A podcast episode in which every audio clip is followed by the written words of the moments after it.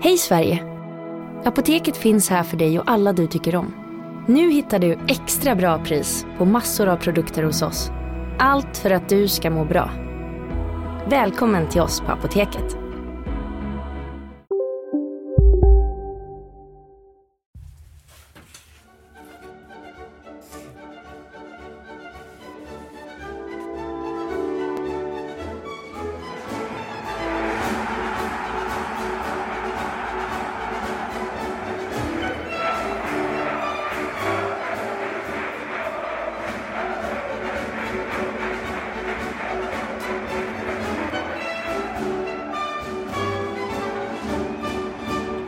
Det är onsdagen den 14 augusti. Klockan är ja, nästan fem på eftermiddagen. Det betyder alltså att transferfönstret i Sverige har varit stängt i 17 timmar.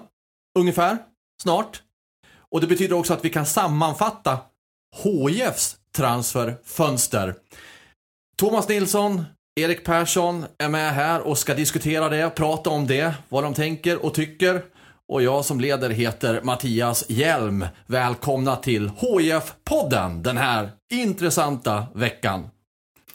Det är alltid intressanta veckor när vi kör HF-podd. Ja, det är alltid intressanta veckor kring HIF Ja, det också, händer alltid även om vi mycket. inte kör HIF-podd. Och, eh, nej, men som du säger Hjelm, nu har ju eh, eh, transferfönstret stängt igen och det var inte med en smäll utan det var mer med ett sånt här vakuum. Eh, så ungefär. För vi satt ju här eh, under gårdagskvällen du och jag. eh, Tisdagskvällen när man nu, Ja. vi vet ju inte när det lyssnas på här. Nej, nej precis. Eh, under tisdagskvällen. Transferfönstret Deadline sist- day. Deadline day. Och eh, väntade in eh, bröderna Olsson samtidigt som vi väl inte trodde att det skulle, skulle hända någonting. Eh, Min FM-knapp på, på min dator är förstörd. Ja, den har varit på service nu. Ja. Får hämta ut en ny FM-knapp. Jag eh, kan ju säga så här då att jag var den av oss tre som gick på semester sist. Erik näst sist, Thomas du var först av oss tre. Jag var ju bara med i inledningen av hela, jag ska inte säga karusellen, för det ger så konstiga vibbar att det snurrar och virvlar runt och allt möjligt och dåliga tankar om det. Men eh, hela den här cirkusen är också fel ord. Hela, hjälp mig nu, hela är en processen. Processen är ju ett Ja, eh, ett fint formellt ord. Ja. Så jag har ju fått följa på avstånd vad som har hänt i HIF att det är Montenegro och sådär. Eh, Men ni kom ju in, Thomas du kom in först och sen du Erik tillbaka då. Och Så ni har ju verkligen fått vara med om mycket den här sommaren. Uh, ja, och uh, semestern fick ju inte vara i fred. Den heller. För att även om jag gick tid, tidigast så var det ju ingen uh, uppe på Olympia som respekterade det. Uh, för det var ju, ja det har, vi, det har vi pratat om hela Henrik Larsson och tränarbytesgrejen och det inför semestern. Men sen var det ju även under semestern det stora ut Rasmus Jönsson-grejen som gjorde, som präglade präglade mycket av, av det hela. Sen var det under semestern också den andra grejen som präglade det här transferfönstret och det är ju Kalle Joelssons eh, knäskada. Med andra ord, det blev ingen ihållande semester för dig Thomas. Du Nej. fick vara lite standby på vissa saker. Lite så eh, fick det väl vara men man ställer väl alltid upp för laget. Ja, det brukar vara så. Erik, du kom ju tillbaka och fick vara med om en del också. Innan det fönstret stängdes. Ja, eh, det känns väl som jag missade, missade det liksom, de riktiga godbitarna. Jag kom tillbaka för en och en halv vecka sedan. Men eh, man fick vara med om deadline day när det inte hände något, så det var ju kul. Till Grattis med- till dig Erik. Gjorde till och med en klassiker och satt uppe på parkeringen på... Eh, Ja, På hur länge, hur många timmar var det då? ja, satt där i sex timmar blev det väl ungefär. Jag var ju förbi där också, jag, åker bara två och en halv.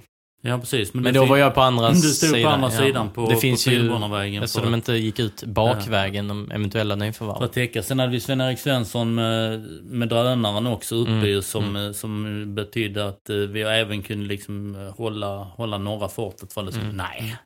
Nej, vi...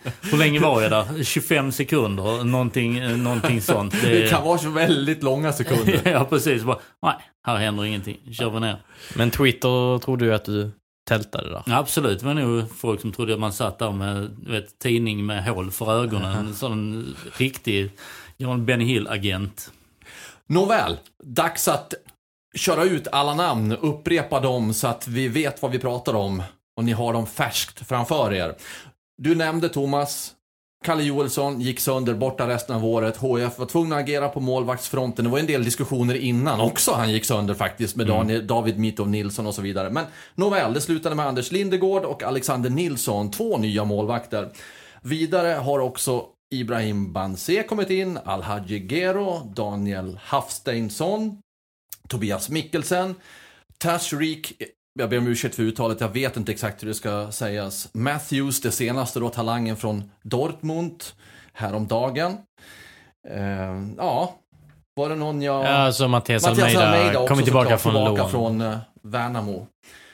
Och de som har försvunnit, André Bjarnason, Rasmus Jönsson, Tom Glover, Johan Persson, Noel Embo och ja, där har ni rubbet in och ut. Ja, ni- Bow utlånad. Ja, till Eskilstad.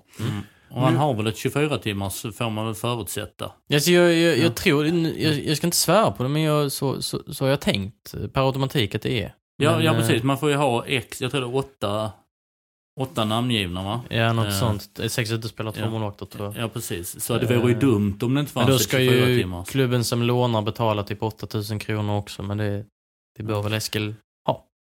8000 spänn. Eh, Ja, de har ju nog mer på banken än vad utlånarna har. Exakt. Men vad säger ni om transferfönstret för HIFs del då? För det är ju mycket alltså. Det är mycket. Om vi börjar att titta på, på målvakten så är det ju den här Miltov Nilsson från, eh, från Norrköping eh, var ju, ville ju HIF ha. Men Jens Gustafsson är inte dum där uppe i managerrollen i, i Norrköping så han ville ju ha, han ville ha ett utbyte. Och um, då med, med Kalle Joelsson samtidigt som Kalle Joelsson sitter på utgående kontrakt och inte särskilt glad att förlänga detta kontrakt vilket jag har fått uppgifter på att han har fått ett precis likadant kontraktsförslag som Max Svensson och Charlie Weberg som skrev på i, inför säsongen. Va? Eh, så att det var ju målvaktsturbulens redan innan knäskadan. HF var ju tvungen att jobba på en målvakt. Sen blev det ju yberskarpt läge mot eh, Sirius hemma var första halvlek. Mm, 15 juli. Ja, eh, när, när han de facto också går sönder så då, då ställs allting på sin spets. Eh, ja, det var en fråga i början om detta som jag har Ja, glömt. det, det, det handlar Ja, om det var ja. hur ni ser på HIFs transferfönster och nu börjar du med målvakterna Mm. det är rimligt. Ja. Ja. vi kan väl ta det så då, målvaktssidan. Ungefär status quo eller uppgradering eller Rent, inte? rent meritmässigt så är det en jätteuppgradering från, eh, från Kalle Joelsson. Eh, prestationsmässigt så, nu har jag inte snittsiffrorna så, så har ju den gode Lindegård släppt in mer än vad Kalle Joelsson har gjort. Vilket inte alla gånger är hans fel. eh, Nej. Så. Men eh, nej, det är ju lite synd att Anders Lindegård eh, kom så himla ringrostig hit. Jag tycker det har blivit bättre och bättre för varje match. Jag tyckte det såg ringrostigt ut framförallt de två första matcherna. Eh, man hade ju velat se honom i liksom toppslag. Klart att det är en enormt kvalitativ målvakt, målvakt, även om det var länge sedan han spelade i Manchester United. Och jag menar, han spelade inte hundratals matcher, det var 19 matcher, men ändå. Då har man någonting. Eh, Av någon anledning så kollar vi eh, FA-cupens tredje omgång. Manchester, 2011, 2012. ja, Manchester United mot eh, var det West Ham? Chelsea. Chelsea var det Ja. Just det. Strålande räddningar från den. Ja, enhandsräddning. Ja. Det, det tittar vi på igår under deadline day. Ja. När det inte hände något. Nej. Nej, men eh, min känsla är... Alltså, Kalle Olsson växte och växte och växte. Och eh, var ju i sitt livs form när den skadan kom. Och han liksom började bli lite attraktiv på marknaden. Och, och så också för andra klubbar. Ehm, men det känns som eh, plus minus noll eh, egentligen. Det är liksom, om vi går ut på utespelarna och liksom vad som har lämnat och vad som har kommit in, då, då är det då är det inte plus minus noll överallt. Tittar man sen på målvakt två då, eller målvakt två och en halv, för du har haft både Tom Glover under våren, ett australiskt Tottenham-lån där jag tror att jag skrev någonstans också att man borde ju kunna hitta en andra målvakt betydligt närmare än eh, Australien. Um, och sen finns det Ian Pettersson där också som gjorde det med den äran när han kom in. Men där har man ju gjort ett, eh, ett lån med eh, Alexander Nilsson. Just den här, alltså titta i närområdet, samarbetsklubbar som liksom Bosse Nilssons IFK Hässleholm. Det, det är precis så man ska göra tycker jag. Så att eh, vi vet inte vad Tom Glover går för. Vi vet inte vad Alexander Nilsson går för på allsvensk nivå. Men däremot så tycker jag att det är ett plus gällande sättet att tänka. Jag håller helt med. För, för om det är någon av er som har missat, förmodligen inte är, men, men om det är några nytillkomna lyssnare och inte har full koll på HIF så handlar det ju delvis om också att Per Hansson fortfarande är skadad och inte tillbaka från sin hemska nackskada han ådrog sig i fjol, snart Men ett tränar, år sedan. tränar mycket, tränar mycket boll, tränar mycket med, vilket man blir glad för människan Per Hansson varenda gång man ser att han är eh, mer där, ja, att man överhuvudtaget ser honom ute på en gräsmatta är, är glädjande. Precis. Ja. Så det är ju en av förklaringarna. Plus att den som då fanns kvar och som fick göra ett inhopp, vad jag förstod, jag fick läsa mig till, det var Ian Pettersson, ung målvakt, eh, som man kanske inte vågar ha som, som en backup i, i eh, allsvenskan. Mot eh, Elias Anderssons Sirius och Elias Andersson var HIFs yngste debutant genom tiderna fram till Ian Pettersson. Och han gjorde det bra, Ian va? Han gjorde det, höll ju nollan. Ja, det, det är en målvakt som har framtiden eh, för sig. Sen är han ju oerhört ung och det kom ju liksom en AIK-match precis efter där. AIK borta, nationalarenan, svenska mästarna. Det ska mycket till för att man eh, stoppar in en 16-åring som aldrig har spelat en allsvensk match från start då. Eh, Så att, eh, ja, det blir ju typ dubbelt så gamla Anders Lindegård istället. Mm. Så, och snabba ryck då för att få, Mm. få loss den, den värvningen. Det var målvaktssidan. Om vi flyttar framåt i planen, inte så mycket nytt som har hänt bland backarna. Men desto mer som har hänt bland mittfältarna. Ja du, som vanligt. ja. Eh, jag tror HF är ute efter att spela någon typ av 4-16-1 eh, uppställning eller något liknande. För det är väl där någonstans eh, kadern i mittfältet ligger. ja, och den ettan som du pratar om här är den nya Al-Hadji Gero som Mm. in, hämtades in från Östersund. Misstänker jag. Ja. Men där är, ja, det har hänt grejer på mittfältet. Vad har du för några? Ja, ska vi ta det där igen då? Ibrahim Banse. Daniel Hafsteinsson. Tobias Mikkelsen. Tashrik Matthews. Mattias Almeida. Ja, han kan ju ses som forward också då. Mm. Plus Filip Sjöberg och Armin Gigovic som kommit upp från ungdomsleden och fått mer och mer speltid. Mm. Också mittfältare. Också glädjande. Ja, vad säger vi om eh, det här gänget då? Att de är många. Mm. Eh, och eh, det man undrar över är ju liksom spetsen eh, egentligen. Eh, Mikkelsen är väl den av de här spelarna som, eh, som har mest rutin, mest erfarenhet, har gjort mest i sin fotbollskarriär, men han är också i ett, i ett eh, stadie där han inte är i eh, sin bästa form och han kommer från en sejour i Australien där det väl inte blev braksuccé liksom. Han har ju själv sagt Mm. till dig Thomas att han eh, inte är redo för en hel match än. Och känns ju, känns ju sådär liksom. De andra är ju mer liksom framtidsnamn. Bansi, Hafsteinsson, Hafsteinsson ehm, och Sjöberg och Gigovic såklart. Ja, det är väl så de tänker eh, i det här långsiktiga tänket som väl finns någonstans där.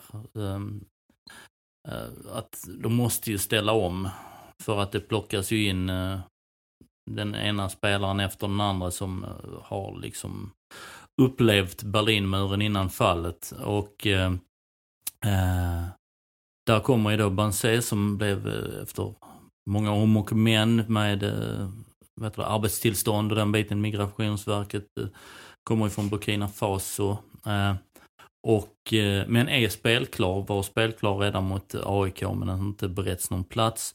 Eh, och sen är det ju Hafsteinsson som gjorde debut i minut, Ja, men typ 77 mot Örebro när matchen var död. sedan. sedan en timme tillbaka. Eh, men det är ju två stycken som eh, ska vara en garant för någon typ av eh, långsiktig framtid här. Men å andra sidan har de inte varit nära att på, få påverka någonting i det som finns här och nu. Precis, så sent som på dagens, alltså onsdagens träning så spelade Banse mittback och Hafsteins, Hafsteinsson var, var vänsterback en hel del. Så det säger en del om deras liksom, hierarkiska ställning i laget. Mm. Ja, och sen slog man in på den gamla goda banan igen när de gossarna var inne, om vi fortsätter med mittfältarna, Tobias Mikkelsen då, 32. Korttidskontrakt. Lika mycket som det pratades, eller som man såg framtid i Banse Hafsteinsson och då som du nämner Filip Sjöberg och Gigovic som också är, är mittfältare så dundrar man in en 32-åring från grannbyn här. Jag, nej, jag, den har, hade jag, jag har väldigt svårt att eh, förstå den helt enkelt. Ja, och han kom ju in, han gick ju före Sjöberg mot Hammarby. Uh, kom in, uh, Sjöberg fick ingen speltid då. och Mikkelsen var med i den tilltänkta startelvan under onsdagens träning till höger på mittfältet.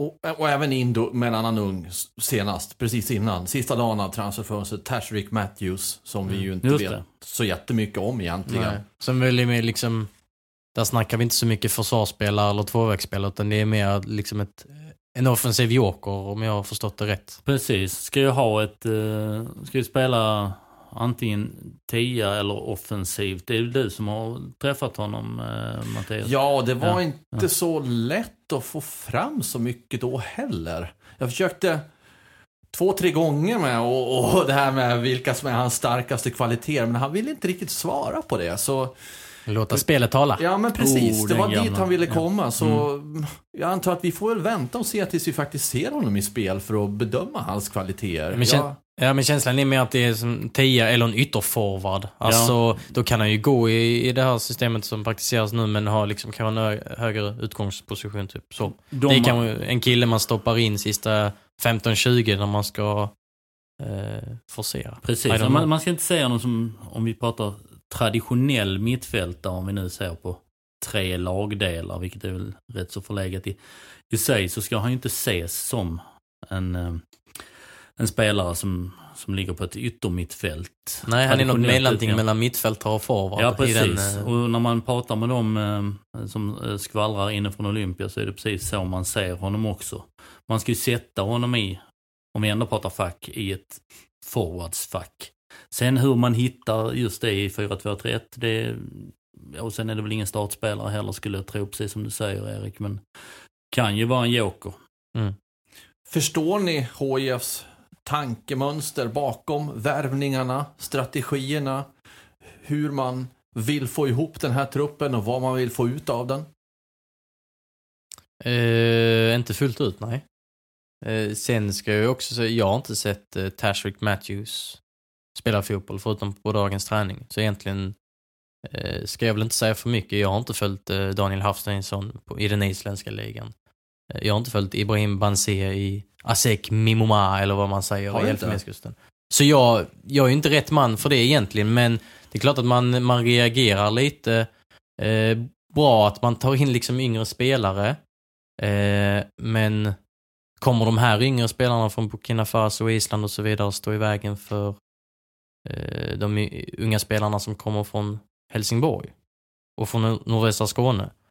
Är det 50 50-50 där så hade jag ju alla dagar i veckan valt eh, de närodlade.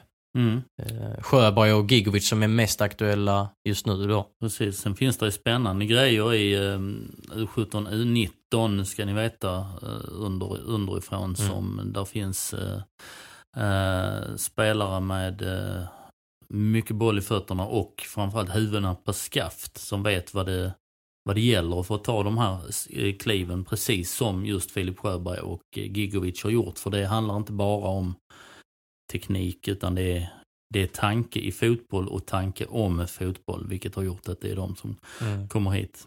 Jag kan bara tänka mig att vissa Eller kom, de- kommer hit, alltså jag menar kommer Ja, upp. ja, jag kan bara tänka mig att vissa av de här unga spelarna blir lite liksom, vad ska man säga, stötta liksom att nu kommer det in en 20-åring från, från ja men alltså att, att det tas från, från lite olika länder i, i samma ålder. Sen ska de här eh, ungdomarna som kommer upp från egna länder vara tillräckligt bra. Man ska inte plocka upp dem bara för att man ska få liksom lite bonuspoäng från SEF. Liksom. Nej, nej, nej, Eh, nej, precis. Men eh, om man hittar en balans där så eh, absolut, en generationsväxling kommer ju ske, måste ske.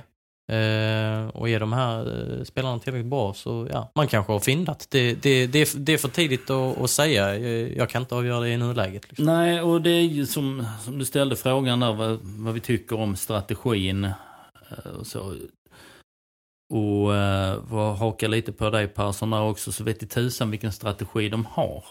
För det är, eh, det är jag skrev ju en krönika i, när vi satt här i, igår, ordet abrovink. Liksom man löser, man löser det på något sätt och sen helt plötsligt bara fixar, fixar det sig. Och det är ju inte, eh, det är du har en coming man i Filip Sjöberg. Du stänger dörren på något sätt i form av ett korttidskontrakt med en 32-åring som inte har spelat fotboll sedan i april. Eh, alltså jag ser inte de strategiska, långsiktiga tankarna där för att bredda truppen. Nu är det en trupp som är på 30 man, som är, för stor för, eh, för träningarna. Eh, och eh, ska man, den här omställningen och det här och detta är ett mellanår som HF har varit inne i mellanår sedan 2012. Det är alltid nästa år som är det viktigaste. Men det är detta som egentligen är det viktigaste för att överleva.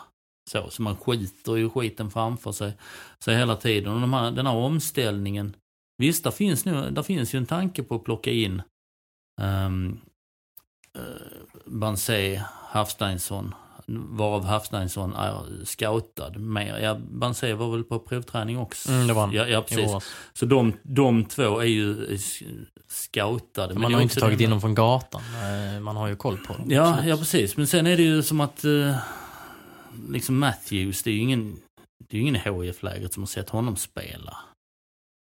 Alltså det, Nej, det... Så. så är det ju inte. Man, man får gå på re, reak, det? rekommendationer. Mm. För det är också en sån käpphäst som, som jag har. att Har du inte en rutinerad sportchef och nu har de en sportchef som... Som är rutinerad. Som är rutinerad, ja. Men han gick in och det har varit förbannat mycket för, eh, för Andreas Granqvist. Och det har ju tärt. Eh, att folk, eh, folk inte förstår det, det, det förstår inte jag. Eh, och han har ju tagit ett steg, steg tillbaka nu. Men han har, han har ju kontakter men han har ingen erfarenhet av detta. Anders W Svensson och Oskar Rönningberg i HF-styrelsen har inte heller någon erfarenhet av detta. Eh, Swiss tog ju någon typ av sportchefs eh, grej när Jesper Jansson satte allt på ett kort och sa upp sig 2013. Var det va? Nej, 2014. Eh, och så plockade han in och blev tillförordnad sportchef eller något sånt. Det är vad, det vad han har för eh, meriter. Eh, och tittar du på Jesper Jansson sportchef-CV kontra Anders W Svensson sportchef-CV så eh, ja, det är, det är ju lite klasskillnad. Så all, allt, allt det här, vem är det som bestämmer? Var, eh, vilken är den här strategin som, som du säger? Jag tror, jag tror det är ett, eh, det är ett för, eh, för bra ord för att användas i de här sammanhangen till och med. Och hur många av de här nyförvärven kommer eh, göra någon form av skillnad under hösten och spela? Liksom? Lindegård kommer spela. Sen, ja. Det är inga spelare som går in här och nu kanske. Ja, Alhad Jegero såklart, men så, men de här Banse, Hafsteinsson, eh, Matthews. Eh, det, är ett, det är ett annat fack och, och allt handlar, man ska tänka långsiktigt men också kortsiktigt för, för, för att vara kvar och få det där. Du, du ska Ta, ta del av tv-avtalet nästa år. överleva mellanåret igen ja. Det finns ju kanske också en annan problematik i det. Du var inne på det Thomas med att det blir en stor trupp. Alltså, det finns ju spelare som hamnar längre ner i hierarkin också. Det är en sak jag funderar på. Vad tänker en spelare som David Boysen Nej men just David nu? Boysen tar det här lugnt. Ja, och sen att man då har värvat, man har ju garanterat försökt få in en utpräglad målskytt som ska kunna ersätta Bjarnason också. Men man, men man har värvat in Gero, men det är ingen notorisk målskytt. Och vem ska göra målen? Precis, och det, det vill jag också liksom inflika när jag då är kritisk mot den här sportgruppen. Utan det, det handlar ju inte om att de inte har försökt. Utan de har ju slitit med, med noll medel och inte lyckats. Jag vill bara ha det till, till protokollet Ja, också. absolut, att, absolut. Och dessutom så hade man ju tagit in en, en forward som i princip nästan aldrig fick chansen i Noel Imbo och sen släpper man honom till eh, lån till Eskilsminne. Visserligen två divisioner ner och så gör han mål direkt. Någon slags ödets ironi där också.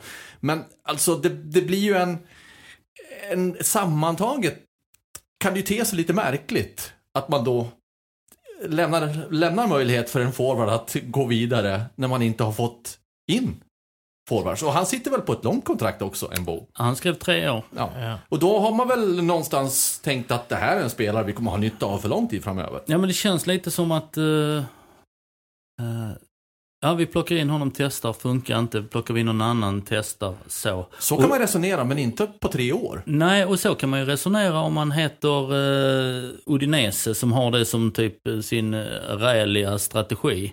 Att eh, Har du också valt att bli egen? Då är det viktigt att skaffa en bra företagsförsäkring. Hos oss är alla småföretag stora och inga frågor för små. Swedeas företagsförsäkring är anpassad för mindre företag och täcker även sånt som din hemförsäkring inte täcker. Gå in på swedea.se företag och jämför själv.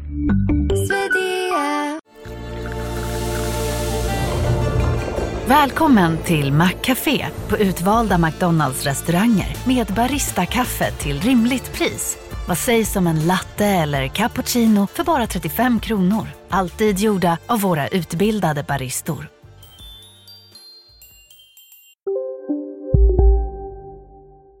och ekonomi bakom att vi kan plocka in 45 spelare. Funkar de inte ska de i bästa fall vara i Watford liksom, som man också äger eller i någon eh, serie C-klubb eller något sånt. Men Helsingborgs IF har inte råd att ens ha 22 spelare egentligen. Nu har man, vad kom vi fram till? Ja, för att 28 det, vi står här samtidigt med en, eh, ett A3-papper som du har delat ut till oss, Thomas.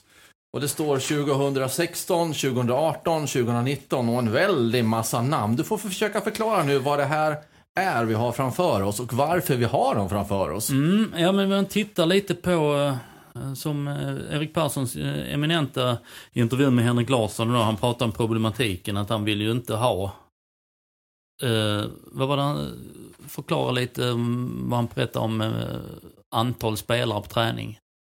Att det, de har ju avbytare på träningarna här nu när de spelar 11 mot 11.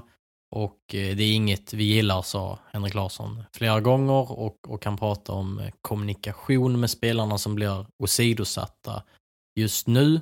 Eh, David Boysen och Mattias Almeida eh, mestadels utanför planen då. De får liksom jogga runt när de andra spelar. Mm. Filip Sjöberg fick också jogga runt en, vända när David Boysen kom in och så.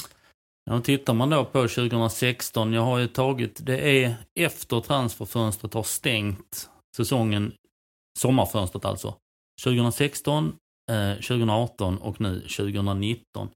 Och tittar man då på 2016, ja det handlar ju om Henrik Larssons förra sejour, när han tog den allsvenska sejouren i mål. Eh, med 29 spelare på hösten. Eh, där är väl en som åkte in ut tror jag sådär. mm, Bum, bum. Ta, ta det med lite, lite, lite nypa salt om man siffrorna. Men 29, 29 tror jag det ska vara som, som var där. I Och- truppen 2016. Ja, och då hade du också eh, ganska många spelare som var de här spelarna som, eh, ja, kommunikation och prata med de spelarna som inte får spela. Gick väl sådär va. Linus Eh. Hallenius kommer man ju att tänka på Du nu. kommer som, tänka på Linus som, Hallenius, som ja. Champions League-kvalar om någon vecka. Ja, just det. Ja. Eh, Det, det, blev, det blev bra. Ja, ändå. det blev ju det. Eh, han gjorde eh, 1040 minuter den säsongen. Eh, ja, men sen tittar du på 2018. Eh, när HF går upp, alltså förra året, den hösten. Då har det ju sjunkit till 26 spelare och då är även sådana spelare som har eh, Kalle Thulin, han hade väl ett 24 timmars då också va? På hösten där, Mattias Almeida hade det både med Ängelholms FF och eh, vi har väl räknat in Kasper Seger och. Filip Sjöberg som inte satt på A-lagskontrakt.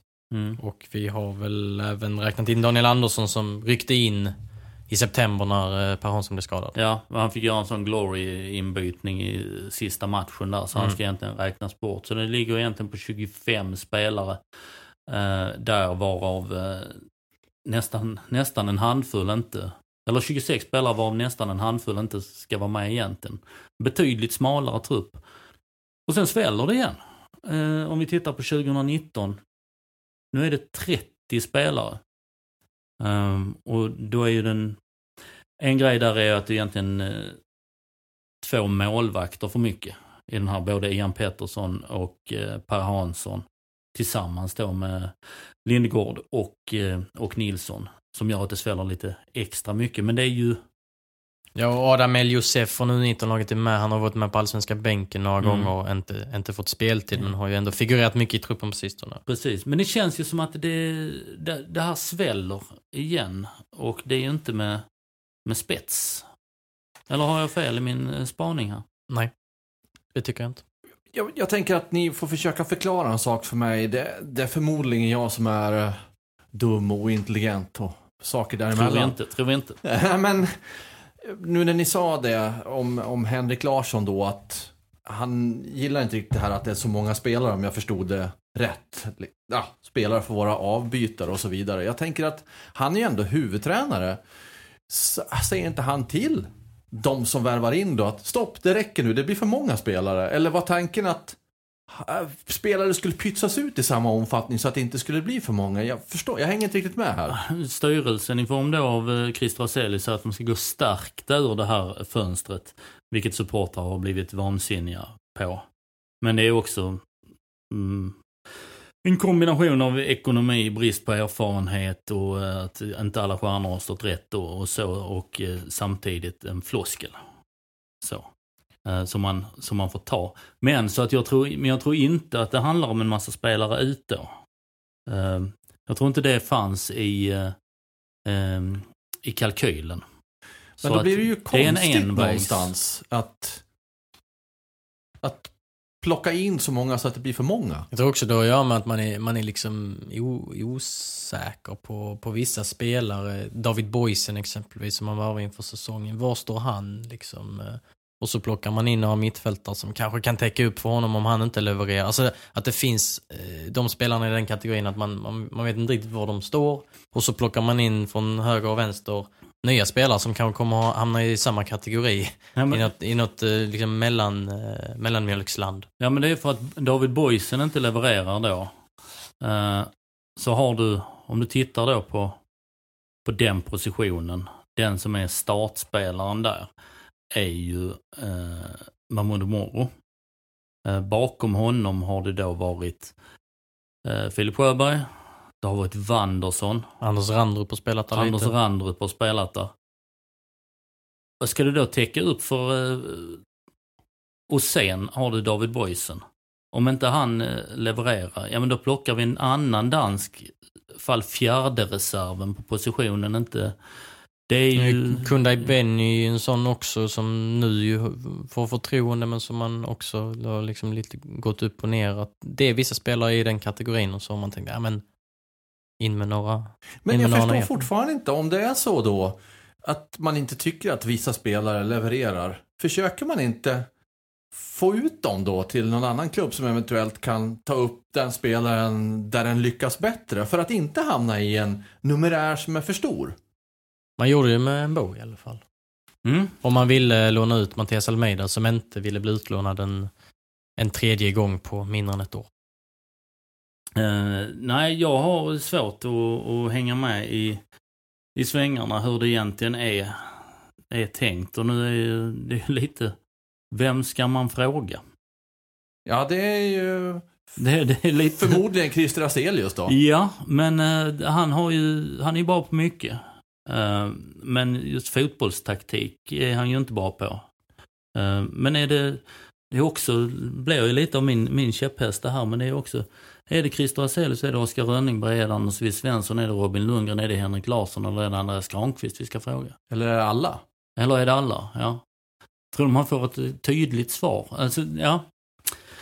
Ehm, många frågor, många att fråga, få svar.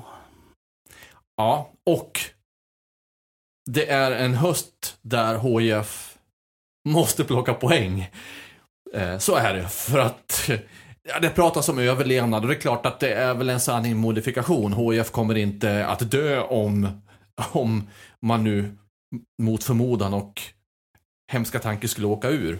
Väl, ja men HIF, det har du varit inne på också. HIF har nio liv och Ja, tar men, sig ur eh, ja, det men mesta. de nio är väl eh, mer eller mindre förbrukade. Åker de ner en gång till med den ekonomin och med de räddningsinsatser som redan har gjort så vettigt. Ja, det är ju helt och hållet upp till Resursbanks ägare känns det som. Eh, och, nej, alltså... ju- Men vi ska inte måla någon på Nej. väggen nu. De har inte Nej. åkt ut och de kommer förmodligen inte åka ut heller. Det är en Ja. väldigt, väldigt viktig höst. Ja, så kan man ju säga. Ja. Och eh, det, det jag vill komma till är ju hur det faktiskt ser ut i tabellen och hur trenden är och att det behöver ske någonting. Ett trendbrott behövs igen. För när Henrik Larsson kom in som, som tränare efter eh, omstart, ja, i omstarten då så fick ju han och laget en väldigt bra start. Man fick en seger borta mot Örebro. Man höll på att vinna mot, borta mot Elfsborg. Det blev en sen kvittering där.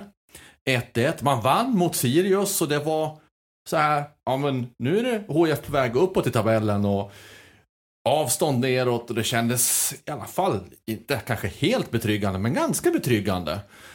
Men sen då så kom resultaten. Förlust mot AIK borta, ja det är inte så mycket att säga om. AIK går mot guldet och är, i, är riktigt bra. Men den här förlusten hemma mot Örebro verkar ju kanske ha varit en liten vattendelare mentalt sett. Inbillar jag mig. 1-4. Och sen kom oavgjort borta mot Falkenberg. Det var väl Falkenberg som ledde ett bra tag där va? Eller var det, Ja, minns jag fel? Ja, de hade ledningen. Och sen nu då mot Hammarby, det jag läste mig till att HIF under första halvleken var väldigt långt ifrån eh, en, en seger. Så det är ju inte så förskräckligt många poäng ändå nu då för eh, Henrik Larsson. Inte så, du har ju en ruträkning på det där Thomas, så mycket skarpare än vad P.O. Jung hade efter motsvarande tid i början av säsongen. Jag tror det skiljer väl ett mål åt något av hållen. Eh, för att eh, bägge de här gentlemännen på sina sju första har plockat åtta poäng. Ger väl 1,14 eller något. Eh, och eh, minus tre på P.O. Jung och minus fyra på Henrik Larsson eller, eller liknande Ja, det, ja, det var väl eh, 1-3 mot Göteborg och så 1-4 mot Örebro. Så Ja. det, det är väl mål, Och, och med detta vill jag inte säga att det är tränarnas fel eller tränarna Nej, nej. som spelar in poäng och så, utan det är bara en, en ren faktamässig grej och hur mycket man kan få ut av ett tränarbyte. Mm. Det fick man i början av HIF och man kan fortfarande få det för resten av säsongen också. Ja, Nej, men det, det finns ju det finns ju säkert, eh, eller det finns eh, massa universitet i England som har eh, räknat på de här och tittat på de här grejerna, vilken effekt det får av ett tränarbyte och, och hur lång blir effekten och där blev ju en effekt. Sen kommer vi aldrig någonsin få veta hur effekten hade blivit under, under P.O. Jung. Men å andra sidan, ja nu är det ju sju matcher och nu, nu är man precis samma. Så det är från nu man egentligen kan se vilket håll det... Ja, det är lögn förbannad, eller vet du det? Lögn förbannad lögn och statistik som någon sa. Det, det kan man alltid vända, vända och vrida på men alltså du har ju inte sett alltså, tvärstabilt ut. Eh, efter, de här, efter de här matcherna. Elfsborg var ju fantastiskt borta. Eh, Örebro borta bra också. Eh, Sirius hemma ett rån. Eh, sen har det inte varit liksom man säger att, eh, att det, det har stabiliserats på, på något sätt. Trenden har varit åt fel håll. Mm, ja, ja, rent statistiskt ja. Mm. Och i tabellmässigt så är det ju så att HIF ligger på plats 11 nu, 18 poäng. Det är tre poäng ner till Kalmar som just nu är på kvalplatsen. De har 15 poäng. Och till de där jobbigaste platserna, AFC då på Eskilstuna på 15 plats, så det fyra poäng. De har 14 poäng nu då. 18 för HIF, 14 för AFC. Så det är klart att det är ju inget betryggande avstånd på något sätt. Och kommande matcher, nu är ju alla matcher väldigt svåra, men det finns ju matcher som är svårare. Eller mindre svåra, men kategorin matcher som kommer nu, de två närmaste, får man väl ändå lägga i svårare. Göteborg hemma, Norrköping borta. Sen har man också Östersund hemma innan landslagsuppehållet. Så det är klart att... Och Oskarshamn i cupen. Ja, Oskarshamn i kuppen men det, det räknas ju inte in för de allsvenska poängen. Gör Nej. det inte? Va? Har jag missuppfattat allt i alla år? Ja, tusan, Nej, du, men vad- du får alltså, räkna om dina Nu ska vi gamla inte måla tabeller. någon på väggen igen här, men det är klart att att gå in i, i de här två matcherna med den trenden. Nu ska ju Agnar sållas från vetet. Mm. Vad är Sen, det? sen är har det? de eh, Kalmar AFC hemma, de har Sundsvall borta. Woo! Vilka matcher. Jo, men det är klart att det vore mycket skönare för HIF, eller för alla lag, att ha ett avstånd när man går in i sådana matcher som man förväntas här ska vi kunna vinna och verkligen rycka. Har man ett avstånd ner redan så kan man ju spela med ett helt annat lugn. Ja, och det har väl de här, eh, om vi backar då till, till vårsäsongen så är det väl ett kryss mot Eskilstuna borta va? Eh, som egentligen väl borde vara i sista nicken. Ja, 86 minuten tror jag för HIF Gustav Jarl. Hög, Höganässonen Gustav Jarl. Kortast banan nickade väl in. Eh, ja, men såna, ju, mer sådana miner det går på, desto viktigare blir det att vinna mot Norrköping borta. På, på plasten på eh, parken eller vad den heter den här veckan. Den här arenan där uppe. Ja. Ja, Östgöta. Östgöta. Förlåt. Ja. Östgöta, det låter ju väldigt, väldigt... Ja. Eh, Och inte meningen att, att hacka, men jag, jag, som, har, som har bott i Östergötland vill jag ändå att det ska... Ja, jag, har Det ska vara rätt. rätt. ja, jag säger parken. Det får jag göra va? Jag säger idrottsplatsen i Norrköping. Idrottsparken. Fick, ja, ska vi strunta i vad den Ja, heter? ja, ja. Men det blir ju jätte... Alltså det, det, det blir ju måste-matcher. Eh, De här. Och åka upp där och liksom plocka tre poäng. Det, det gör man ju inte lika lite som man gör på när, när AIK får 1-0 på Friends. Det, är- det är ju tack och hej butiken är stängd. Eh, Så. Ehm, så därför man måste ju göra, eller borde ha gjort jobbet tidigare. Nu har man inte gjort det, vi har inga tidsmaskiner. Eh, så, ehm, nej det, det är tufft och så, precis som du säger, fyra poäng ner på fel sida av eh, till och med kvalstrecket. Det, det, marginalerna finns ju inte. Ah, Det är inte mycket. Jag blev nästan lite sådär förvånad när jag tog upp det här efter semestern och tittade. Och så bara, alltså är det inte mer än fyra poäng ner dit? Hmm. Och AFC plockar ju någon tre poängare ibland och Falkenberg har börjat gå bättre. Nu är de till och med ovanför kvalstrecket. Så att ja, det blir en, det blir en förmodligen en nagelbitare. Mm. Jag tror att man ska ta det här på eh, allvar. Ah, jo, alltså, ja. jag tror att... Ja, men det måste väl. HIF göra om något lag. De vet ju att, precis som MFF gjorde i början av, eller slutet av förra seklet, eller 99 eller vad var det, 2000. De skulle aldrig kunna åka ur, de åkte ur. HIF skulle aldrig kunna åka ur 2016, de åkte ur. det är klart att AIK. HIF, AIK, Djurgården. Nej, men, Det är klart att HIF måste vara medvetet idag på ett helt annat sätt än eh, 2016. Så att de tar det på allvar, det är självklart. Mm. Men vad händer om man då kommer fram i oktober eh, i höjd med eh, du vet Elfsborgsmatchen 2016 när vi stod och pratade Star Wars. Eh, Just det. och det var, du och jag var fullkomligt på det klara med att det skulle bli kval. Men det var ingen annan som verkar vara det. Eh, vad händer den, den här gången? Det känns ju som att marginalerna är mindre nu. Ja. Ja, nej, jag, Ja. jag tror väl inte att HIF ska behöva hamna där. Nej, det- det- men eh, det- jag, är tror- medveten, jag är medveten om Ja. att de kan göra Ja. det. Jo, vi, vi har ju lärt oss av eh, vår historia. Men alltså jag, jag tror inte heller att de, jag tror de reder ut det på ett tryggare sätt. Än vad man eh, inte lyckades med förra, förra gången. Men...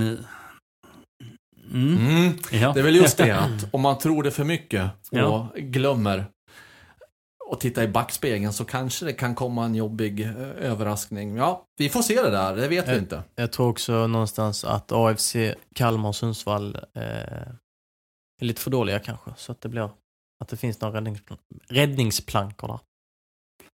ja, det är ju det. Är ju det. Jag Och- menar, snackar vi kris i HF så... Puh, Kalmar liksom. Det är ju... Allt talar ju för att det kommer att gå käpprätt. ja, ja, precis. Eh, ja, men det, det, Allt talar Ja, men för det. kolla, kolla Ja. på vilka spelare de tog in under transferfönstret. Alltså det är ju... Ja, det ska ju till en eh, himla bedrift om, man, om de ska hålla sig kvar. ja, men du har det är, ju, det är ju så nu också lika, precis som att man helt plötsligt måste börja räkna på en seger mot Djurgården borta, finns också kvar va? Um, Ja. På, på konstgräs också. Att du måste ta en trea där. Lika mycket börjar man snart, i och med att det är precis som du beskriver det här små, små, små marginalerna. att Du måste börja liksom sitta på F5-knappen och eh, titta på Kalmars resultat också. Och alla de andra kollegorna där nere. Och det kommer bli ett klyschigt getingbo. Falkenberg är också med i den Ja. striden. Men, HIF har ju i alla fall många spelare att välja på nu. Nej, det har de. Om, de inte fun- om det inte funkar med startelva. Det blir ett bra u lag Är de Mm. kvar i u serien Ja, men när de spelar de där U21-matcherna. Alltså de, folk hinner ju bli U23 innan de spelar nästa match. för de spelar ju... De spelar aldrig känns det som. Nej. Men, alltså, nej, men sa- samtidigt, eh, där finns ju intressant material att ta av. Absolut, Eh, det gör det. sen, eh, ja, jag, jag hade ju gärna sett att de spelar till exempel Filip Sjöberg, just för framtid, men samtidigt för en spelstil och energi. Gigovic, jättehäftigt och se när han kom in, men sen samtidigt, du kan inte spela med, säg att du spelar eh, Matthews i en 10-roll, Gigovic bredvid Landgren och eh, startar med Filip Sjöberg där. Jag tror inte finns på Nej, världskartan. Nej, nej, precis. Men även om de hade Mm. gjort det, då hade ju det litat åt andra hållet. I, där det bara blivit ung Mm. och folk hade farit rundor överallt. Ja. Ja, jag tror det är en anledning till också, vi var inne på Mikkelsen, att han kom in ganska tidigt. Istället för Sjöberg mot Hammarby, då hade man ju valt att ta in Gigovic också. Och både, både Gigovic och Sjöberg med liksom typ tillsammans eh, en handfull allsvenska matcher. Eh, klart att det blir, det blir lite, lite konstig balans och det känns som att det ska mycket till för att båda är på plan samtidigt i mer än 5-10, kanske 15 Precis, minuter. precis. Men jag är väldigt spänd på Gigovic och, och jag, det känns som han flåsar eh, Mohamed Abubakar i nacken. Det bör han göra i alla fall. Tycker jag också. Mohamed Abubakari har ju varit eh, ett utropstecken som har krökts ihop till ett, till ett frågetecken och som var väl den som var, den som var given på, av de två, två sittande. Men eh, eh, jag tycker också precis som du att vem ska spela bredvid Andreas Landgren? Mm. Och Gigovic är ju jätteintressant. Han. Okej. Känner vi att vi är färdiga med veckans avsnitt av HIF-podden där vi har gått igenom transferfönstrets nyförvärv och även spelare som gått ut. De har vi inte pratat så mycket om, men eh, ändå grundligt. Ja, men jag tycker vi är eh, färdiga här. För här Bröderna. Olsson nämnde vi inte eller? Ja, bröderna Olsen, just det. De har varit inne och hälsat på, ja. Martin och Marcus. eh, vi nämnde ja. lite i början. Ja. Men den stora, den stora snackisen eh, eh, sen den första augusti, när Mm. vi kunde berätta att de skulle träna de eh, eh, Premier League och landslagsmeriterade Högaborgs-tvillingarna som ju hade blivit ett jättetillskott eh, samtidigt som de är skadade. Ja, de hade kanske blivit det med fem matcher kvar. Mm. Eh, Ja, till en slutspurt hade de ju varit med. Ja, Tveklöst. För det förstod jag på när jag pratade med Martin, om vi ska nämna någonting mer om honom. Jag pratade med honom under tisdagen där han var öppen för HIF, men skulle hem och fundera på det. Och skulle prata med, med Henrik Larsson om det. Och han sa ju det att brorsan Marcus då var längre fram. Och han själv hade ett par veckor, tre, först har han fyra, sen backade han ner till tre. eh, innan han själv då skulle vara med och på riktigt igen, fullt ut. Så det är klart att då hade det ju varit, ja hur många matcher är det kvar till landslagsuppehållet? Tre stycken. Kanske efter det, då hade det varit åtta matcher kvar. Kanske livsviktiga åtta matcher. Förmodligen livsviktiga åtta matcher. från igår, från igår var det ju bara typ 11,52 veckor kvar av den här säsongen. Och ska du då ta en tredjedel av dem så, ja, hade, hade blivit viktig men samtidigt komma in då i ett lag som troligtvis, eller för sin egen överlevnad, måste ha börjat leverera med någon typ av struktur. Och så ska du slänga in en... Mm. Dessutom hade ju truppen växt till- till 32 spelare. Så Just det, ja för du får inte, can, can't have one without another. Eh, för det, det var ju liksom par... och då- och då hade Henrik fått ännu fler spelare att prata med. Ja just det, ja det hade han fått. Ehm, Så summa summarum, bröderna Olsson lär väl fortsätta träna ett tag med, med eh, HIF. Rehabiliteringen är ju i princip avslutad nästan. mm. in i full träning och sen ut, kanske till olika länder. Det får vi se. Det som HIF fick, som jag har skrivit i en krönika som går i morgondagens tidning och är väl redan ute på nätet va. Mm. Det är att HIF fick strålkastarljus som de inte har haft sen Nyss nämnde Henrik Larsson satt på ett podium tillsammans med Christer Aselius och Andreas Granqvist och blev ny HF-tränare. Uh, för att då är ju de sex lagen som ligger i topp av allsvenskan är från de tre storstadsklubb, uh, storstäderna. Det har blivit en skiktning, det som allsvenskan inte har varit tidigare. Men eh, klubbarna längre ut i, på landsbygden, i provinsen, eh, kämpar där nere. Och eh, HFs flärd och glans är ju inte vad den en gång har varit. Men helt plötsligt så träffar man, träffar ju aldrig Aftonbladet och Expressen och radion eh, uppe på, eller Kvällsposten heter Expressens lillasyster. Som, eh, man träffar ju aldrig dem där. Men när vi hade skrivit att bröderna Olsson var på träningen så var de som flugor kring en sockerbit. Det blev ju skriverier och det blev ju eh, Henrik Larsson-bild och bröderna Olsson-bild och hela den, den kombon och de fick rubrikerna. Well played, säger jag. Ja, tråkigt på ett sätt för oss som gärna hade sett bröderna Olsson i spel mm. i HIF. Men samtidigt fullt förståeligt att det blev som det blev. Ja. Ungefär så. Tycker jag. Vi sätter punkt med de orden för veckans avsnitt av um, HIF-podden. Och hälsar er välkomna tillbaka nästa vecka. Och då har vi IFK Göteborgs-matchen att prata om. Och Marian Svab kanske tillbaka från 19 veckors semester. Mäktigt! ja. ja, då eh, ser vi fram emot det. Och tackar för uppmärksamheten.